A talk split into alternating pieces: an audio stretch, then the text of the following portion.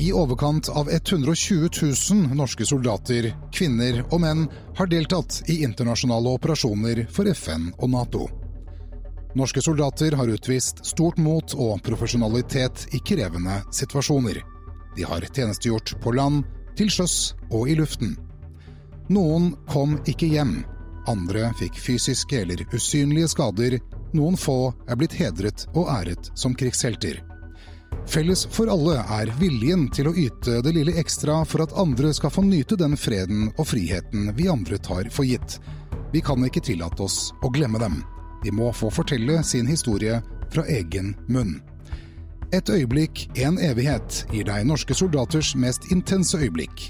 Øyeblikk som varer en evighet.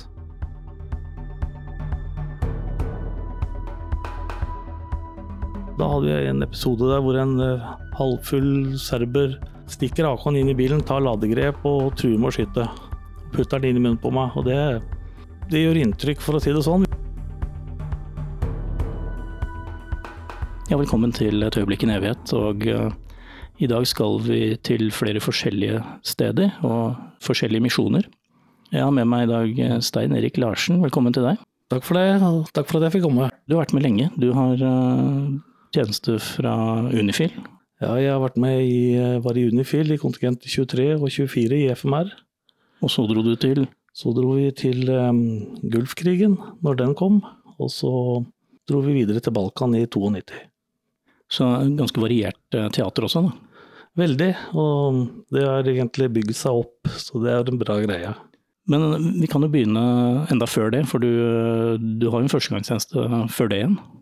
Ja, jeg begynte førstegangstjenesten på Haslemoen i 88.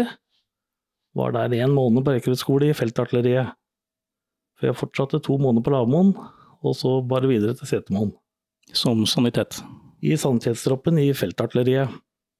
Der eh, trivdes jeg godt, men så egentlig fram til å bli ferdig, og leverte da en søknad til Libanon bare på slump, egentlig. Du ville bli ferdig med førstegangstjenesten, men dra til Libanon? Det var tanken, så da Jeg har egentlig trivdes bra med strukturen i Forsvaret, så derfor blei det sånn at det var i grønt igjen etter fire måneder. Ja, den vanlige mølla med Sør-Gardermoen og, og ned. Ja. Hva tenkte du da når du skulle reise ut, var det bare helt greit, eller var det en del bevisste valg du måtte ta der? Nei, det var vel egentlig mest eventyrlyst som gjorde at uh, jeg valgte å reise ut, og jeg hadde en batterisjef på Setermoen som anbefalte varmt å søke FMR for, uh, i Unifil som FN-tjeneste da på den tida. Ja, for de som ikke er klar over uh, hva FMR er, så Force Mobile Reserve, som var en egen enhet direkte under Force Commander som var lokalisert i Fijibat. Mm, vi var jo da en utrykningsstyrke som rykka ut uh, hver gang det var problemer i Unifil AO, så vi reiste mye rundt på patruljer og hadde forskjellige oppdrag. Mye i Norbat annet, og Irishbat, ja, vi var rundt overalt. Der det skjedde noe, der var, der var FMR rett bak? Der var vi. Vi kom og prøvde å roe det ned. Og tanken var jo at det skulle være litt multinasjonal da, som skulle roe det ned. Ja, for det var jo det som het mixed crew, var det ikke det? Jo, vi hadde jo vi hadde noen rene norske vogner på den tida, men det var òg vogner med finner, ghanesere, nepalesere. Det var en fin blanding. Din jobb var å være sanitet? Jeg var sanitetsmann på vognen der nede. Vi var to stykker som hadde den jobben, og hadde hver vår vogn og gikk beredskap hele tida. Var det noe som du husker fra den tiden som liksom har festa seg? Ja, vi hadde jo noen En tur opp til Skjeba blant annet, som vi lå og passa på på veien inn der, som GSS fikk tak i et våpen fra en av soldatene våre og trua litt tilbake igjen, men det løste seg i, i minnelighet etter hvert når det ble tatt noen ladegrep på Sisur og 113-vogner rundt den, så glemte han det. Han slutta med det? Han slutta med det og leverte tilbake våpenet pent og pyntelig. Det er klart at uh, sånne incidenter var det jo en, sikkert en god del av uh, i de kontingentene du var nede? Det var noen uh, både store og små, men i Libanon så hadde vi vel ikke de helt store i mindre kontingenter. Vi hadde um, en som vi mista i Norbat på den tida, i, akkurat i kontingentskiftet. Det var vel egentlig det verste som var. Ja, det var jo incidenten med Rune Oppland som vi har hørt om tidligere også et øyeblikk i nevighet. Det var jo mens du var der. Ja. Så vi kom jo da etterpå for å bare roe det ned. Men du dro til Gulfen. Du dro hjem fra Libanon og hadde på en måte ikke fått helt eh, nok, da? Jeg dro hjem fra Libanon og gikk et uh, halvt år på forberedende. Og da sto jeg i et beredskapskompani for FN, og da ble vi kalt inn der. Ja, og det var jo den, uh, en av de mange Gulfkrigene som var, men dette var jo da vi intervenerte for å stoppe Saddam Hussein som hadde angrepet Kuwait. Det stemmer. Vi reiste jo nedover i, i januar og hjem igjen i april måned. Det gikk jo over all forventning. Så vi hadde egentlig mest å gjøre når krigen var ferdig. Når alle styrkene begynte å trekke seg ut, så hadde vi hovedansvaret for alle engelske styrker som var på vei ut, og der var det en del skader. Folk som datt ned, og brannskader osv. Men ingen store krigstraumer uh, på den tiden? Ikke noen store greier sånn på den tiden. Vi, vi trente for um, å ta de verst uh, skadde pasientene som skulle bli flydd inn med Royal Air Force, men uh, gudskjelov gikk det jo over all forventning, så vi slapp å bruke det i praksis. Ja, fordi de jeg har snakket med fra den misjonen, så er det jo særlig dette med trussel om kjemiske stridsmidler som, som har hengt over de. Mm, det var jo Det gikk jo skuddalert ja, flere ganger i uka i hvert fall, særlig om natta, hvor vi hadde fullt verneutstyr og gassmasker og alt på. For vi visste jo ikke hva som ville komme, og om det kom til oss. Så vi gikk jo på nervegasstabletter og vaksinerte oss mot miltbrann og alt som kunne skje. Når vi sitter og spiller inn dette her, så er det jo en stor pandemi med covid på gang. Og dette med vaksiner er jo ganske et stort tema. Men dere tenkte ikke på bivirkninger også, som dere? Egentlig ikke i det hele tatt. Vi regna med at det var gjort avveininger hva som var best for oss. Og det ja, Jeg har ikke merka noe etterpå, så det virker som vurderingene var riktige for min del. Og så slutta jo den, den misjonen for deg. Du runda av og dro hjem? Jeg runda av og dro hjem. Hadde fått meg jobb og fortsatte der sånn. Da gikk det vel et år før det dukka opp noe nytt på Balkan med Norambunit. Ja, for da hadde jo krigen, borgerkrigen i tidligere Jugoslavia dratt ordentlig i gang. Da den starta, så skulle de, vi skulle bare bistå engelskmennene, for de rakk ikke å få på plass sin egen enhet så fort. Så vi skulle bare være der nede en tre-fire måneder, og det, det blei det. Vi reiste nedover på utrolig kort varsel. Tok toget, tok to døgn ned til Zagreb, og kjørte inn i operasjonsområdet. Og det, vi lå på fire forskjellige steder. Jeg lå i en spaby som het Topusko, på et hotell der sånn. Det var med varme kilder og en flott landsby, men litt utbomba. Vi passerte jo da over grensa i Karlovac, hvor det, ja, det var den frontlinja med miner og snipere og Så det var alltid et spenningsmoment når vi kjørte over der. Vi støtta jo også den polske bataljonen nede i Slund der som med en sanitetsbil, altså en sjukebil. Dere blei flytta litt rundt? Vi lå mye for oss sjøl, og vi hadde, ikke, vi hadde jo ikke noe samband som rakk langt nok. Så det var jo da å prøve å finne en telefon eller et eller annet som virka. Det, det var ikke så lett på den tida. Og noe gikk jo via bataljonen vi støtta osv., men du var stort sett på egen hånd. Det var å lese kart og kjøre. Var det noen sånn tunge incidenter den, i den perioden? Gudskjelov hadde vi ikke noen tunge incidenter der jeg var, men det var flere som hadde noen kidnappingsforsøk og litt sånne ting, så Rakk du noen gang å reflektere over både tiden i Libanon, Gulfen og tidligere Jugoslavia på Balkan, altså reflekterte over det som skjedde rundt deg, altså selve krigen og konfliktene? Nei, egentlig ikke de store refleksjoner, men vi hadde jo meninger om hva vi mente var riktig å gjøre. Og der føler jeg absolutt at FN gjorde en betydelig innsats nede på Balkan for å minimere skaden. Og jeg føler vel at alle vi som var med der, bidro sterkt til at det var mulig. Vil du si at den misjonen, UNPROFOR, hadde en annen karakter enn f.eks. Libanon? Jeg syns når jeg dro fra Kraina med Norambunit og, og siden ned igjen med Nordmedkoi til Bosnia, så syns jeg det hadde forandra seg veldig. Ja, for der, der var dere enda mer eh, utsatt. Bosnia var jo en, på sin videreføring. Ja, og vi kom jo ned via Beograd, som da var på serbisk side i Serbia. og vi kom med tog, og de toga ble jo steina på vei inn til, eh, til stoppestedet vårt i Panchevo.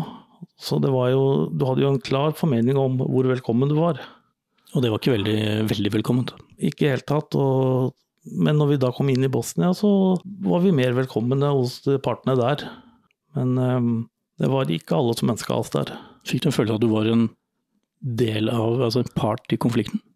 Nei, jeg syns vi klarte på en fin måte å holde oss eh, nøytrale, men det er klart det var det var nok noen av partene som følte at vi kanskje var en part i konflikten. Men uh, i det vi opererte med, så var vi, var vi helt nøytrale. Vi hjalp like gjerne serbere som muslimer eller kroater hvis det var nødvendig. Og det var det etter hvert. Det var jo litt mer eh, action, for å bruke det uttrykket, i Bosnia?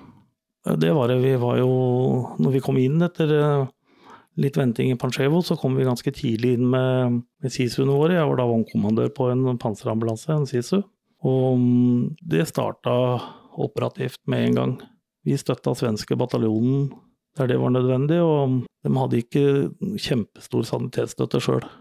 Kan du tenke tilbake og huske en av de første større si, incidentene?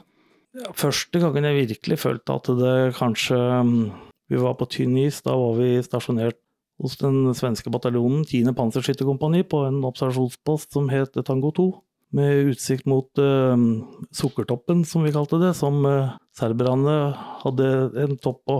Og da, når vi lå der uh, og støtta svenskene, så um, var jeg på vei ned til pisserøret. Det var et rør nede på enden av jordet der som vi skulle kunne gå på do i.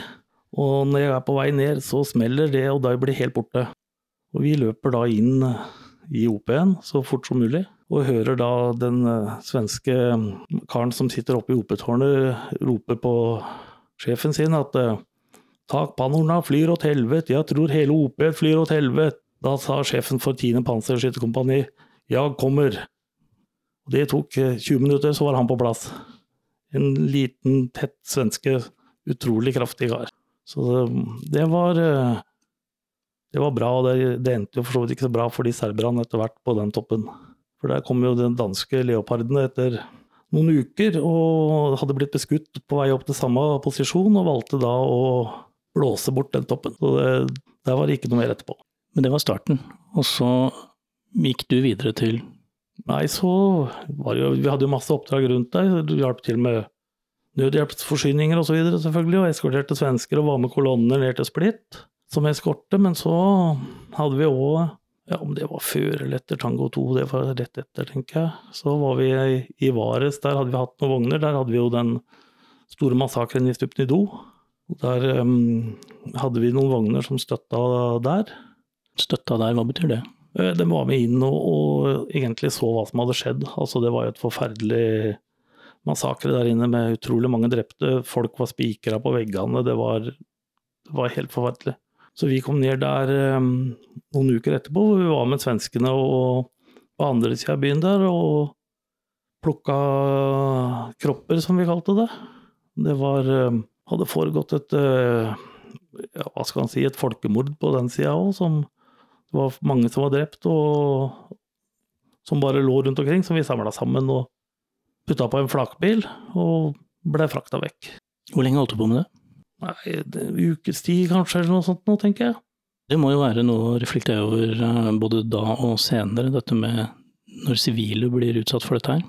Ja, det, og det er egentlig det verste sånn Altså, når du ikke er krigførende, altså dem kommer gående, ikke sant. Dette var jo Det var snø. Du møter hele familier, kommer barbeite, alt de eier, har mye bærepassa og Du kan liksom ikke bidra, for det, det er så voldsomt. Du må bare la det gå. Og kunsten er vel kanskje ikke tenke for mye på det, tror jeg. Men um, nei, så det var um, Varetsområdet var det harde kamper på den tida. Altså det var Svenske bataljonen fikk litt pepper. Var det noen gang opp til deg, holdt jeg på å si, tenkte du at uh, dette vil jeg ikke? Nei, aldri. Der uh, følte vi virkelig at vi bidro med noe. Og vi var jo veldig sjølstendige på den tida, holdt jeg på å si. Når vi kjørte rundt og de bataljonene vi var underlagt og alt dette. Det, som vognkommandør der så fikk du avgjørelser hele tida, hver dag. Og det, det var viktig å ha et godt samhold på vogna og gode karer med seg. Altså, det var alfa og omega. Vi må huske på at dette var ikke i utgangspunktet profesjonelle mannskaper, profesjonelle soldater. Den FN-misjonen var jo satt sammen av sivile med varierende bakgrunn. Og det er kanskje en fordel akkurat i det tilfellet, tenker jeg. Og vi som var vognkommandører på SISU, vi var jo ikke befalsutdanna heller. Vi blei faktisk bare Det var bare korporaler de brukte for å gjøre det på en billigere måte, antagelig. Så jeg syns vi klarte oss bra der i en førstekontingent. Jeg vet jo at du har vært med på en misjon eller et oppdrag som vi har omtalt tidligere i et øyeblikk i evighet, men å få høre din versjon av Gorasjte, det hadde jo vært uh, interessant. Ja, det var jo, det var jo på våren i, i 94 vi reiste inn i Gorasjte. Og det var jo da en by som lå under uh, beleiring. Det var ingen uh, soldater der inne på den tiden, trodde vi. Det viste seg når vi kom inn at det var noen SAS-karer som lå der inne. Men um, vi gjorde flere forsøk på å komme inn. Ble stoppa i en liten by en tre-fire kilometer før Gorashte som heter Rogatica, hvor vi ble steina og holdt tilbake flere ganger. Oppdraget deres var jo å gå inn og evakuere noen barn, egentlig? Ja, ikke mange.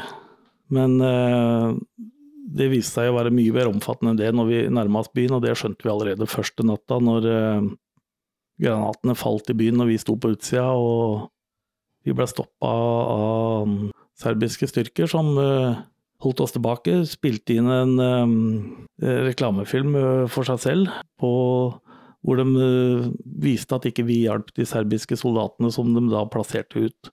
Før vi fikk kjøre inn i byen da på, på morgenkvisten, tenker jeg. Og det viste seg å være en ganske omfattende operasjon etter hvert. Og uh, vi har jo hørt uh, sjefen din her, Kåre Brendeland, fortelle om sin skrekkopplevelse fra sykehuset. Hvordan opplevde du den runden? Nei, Det på sykehuset var jo én del av historien, men vi hadde jo òg Vi var rundt i byen der og hjalp folk å komme til sykehuset. Hvor vi, ja, vi hadde bl.a. en tur vi holdt på å kjøre over den nedre brua der. Det viste seg etterpå at den var minelagt, så hadde vi rulla utpå der med Sisund, så hadde vi blitt våte på beina. Og vi hadde jo Vi blei beskutt mye når vi var ute og henta folk. Og det var jo helt umulig, for sykehuset lå på andre sida av elva, og der storparten av befolkningen bodde. Og frontlinja gikk jo rett bak sykehuset, så det var en vanskelig operasjon. Og vi hadde jo ingen styrker å støtte oss på, alle avgjørelser måtte jo tas der og da. Så det var, um, det var lange og tøffe dager, egentlig.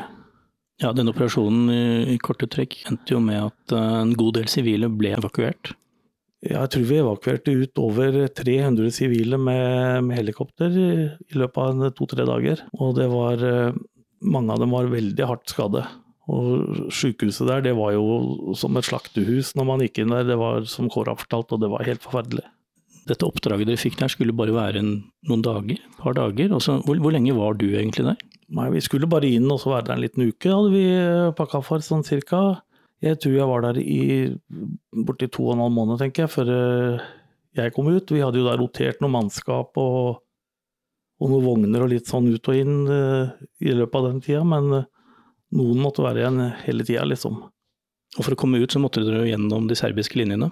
For når vi skulle ut igjen, så måtte vi kjøre um, samme veien tilbake til Sarajevo via Rogatica. Vi skulle rotere ut sammen med um, sjukehustroppen, så vi valgte da å ikke rotere ut uh, Sisundet, for det um, dem måtte vi ha der inne, og vi trodde kanskje det var vanskelig å få inn nye.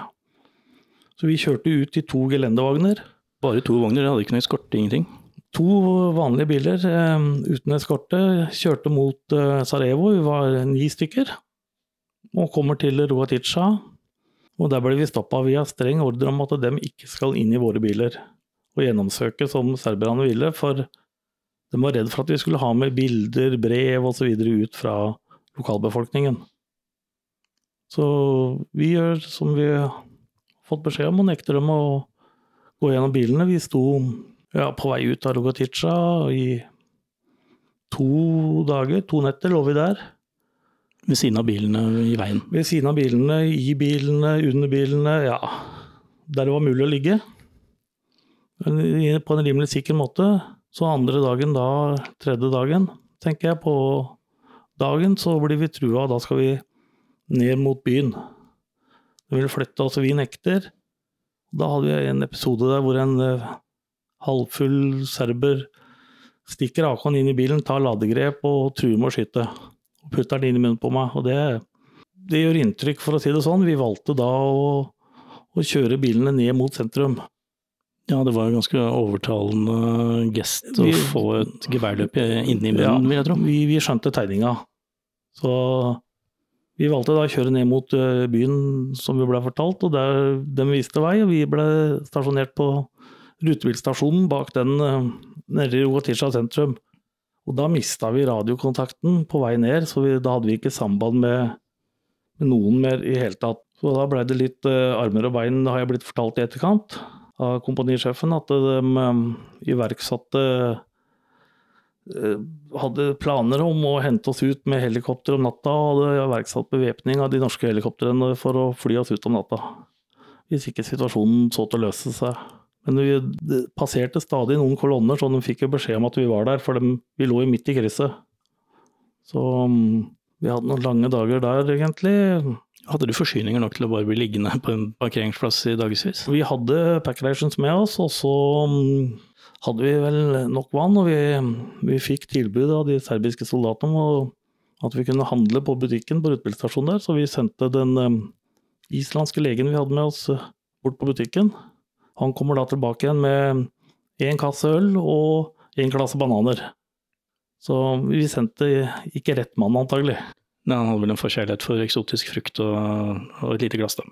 Antagelig, og det var eh, Men eh, nei, vi klarte oss eh, der. Vi blei litt kompis, er vel feil å si, men bekjent med de serbiske soldatene. og de passa faktisk mer på oss, kanskje dem, enn når lokalbefolkningen kom som var småfulle og ikke var så begeistra for vår tilstedeværelse. Dere kom ut igjen til slutt? Vi kom ut igjen, eh, ja da hadde vi ligget tre netter til nede på rutebilstasjonen. Og da kom det beskjed fra høyeste hold at vi måtte la dem gå gjennom bilene. Og da De gikk gjennom de bilene, for å si det på den måten. De bladde til og med gjennom kortstokkene vi hadde i hanskerommet osv. Uten å finne noe av interesse, sånn sett. Ja, for dere hadde ikke med noe kompromitterende allikevel? Ikke når de gjennomsøkte bilene, nei. Men vi hadde det var noen som hadde hatt med en ting som vi ikke skulle hatt med, som var gravd ned, og det ligger vel fortsatt bak rutebilstasjonen i Rogatica, tenker jeg. Når du kom ut da, og det var vel omtrent på slutten av eh, misjonen din? Ja, det, vi kom ut, det var i juni måned, så jeg, jeg hadde enda noen måneder igjen, fire-fem måneder. Men jeg skulle hjem på, hjem på Liv. Og mm, jeg dro jo da hjem med godt mot, og da traff jeg det som eh, har blitt min kone da hjemme på Liv. Og da var egentlig jeg klar for å avslutte. Men det var jo enda noen måneder igjen, så det ble jo ikke sånn. Nei, men du, du kan liksom ikke erindre at det var noe voldsomme ting etter Gorasjte? Nei, det var eh, ikke sånn som jeg kan erindre i farta. Det var mer den daglige tjenesten med patruljer og være med som sånn T-støtte opp og ned til splitt. Og det var jo jobb 24-7, men det, ikke av den typen. Hvis du skal gå gjennom kontingenten din, tiden du har vært ute, tjenestegjort eh, i de forskjellige teaterne og sånn, er det noe som har festa seg helt spesielt? Er det, noe, er det noe som har truffet deg ordentlig? Ja, det, det, verste jeg kan si som har virkelig truffet meg, det er eh, når vi var i Nordmørkoi før jul. Vi satt og skulle pusse våpen i slutten av november måned. Og vi sitter fire-fem kamerater sammen, og det plutselig smeller, og den ene detter om. Da har vi hatt et eh, vådeskudd, og han ene er treffet i hodet. Og vi setter jo i gang. Han var intubert på under fem minutter. Vi var rett ved siden av sykehuset, og det var en utrolig rask reaksjonsevne. Men um, personlig så da gikk jeg helt i kjelleren, og jeg veit ikke hva Forsvaret gjorde da, men de hadde en uh, psykiatrisk sykepleier der som jeg prata med. Ti minutter virka det som, men sikkert en times tid med en gang. Og de brukte helt bevisst um, vogna mi til å evakuere inn til Tyskland hospital, for de var bedre på hodeskader Og um, vi var jo med hjem og fulgte han um, til graven og bar kista. Ja, for han klarte seg ikke. Han klarte seg ikke. Og det er vel det tyngste jeg har gjort i uniform noensinne, tenker jeg. Ja. Dette er en av mange unike historier om selvoppofrelse og mot fra våre soldater. Her lar vi soldatene selv fortelle om de intense øyeblikkene, akkurat slik de opplevde det. Historier som rett og slett er blitt et øyeblikk, en evighet.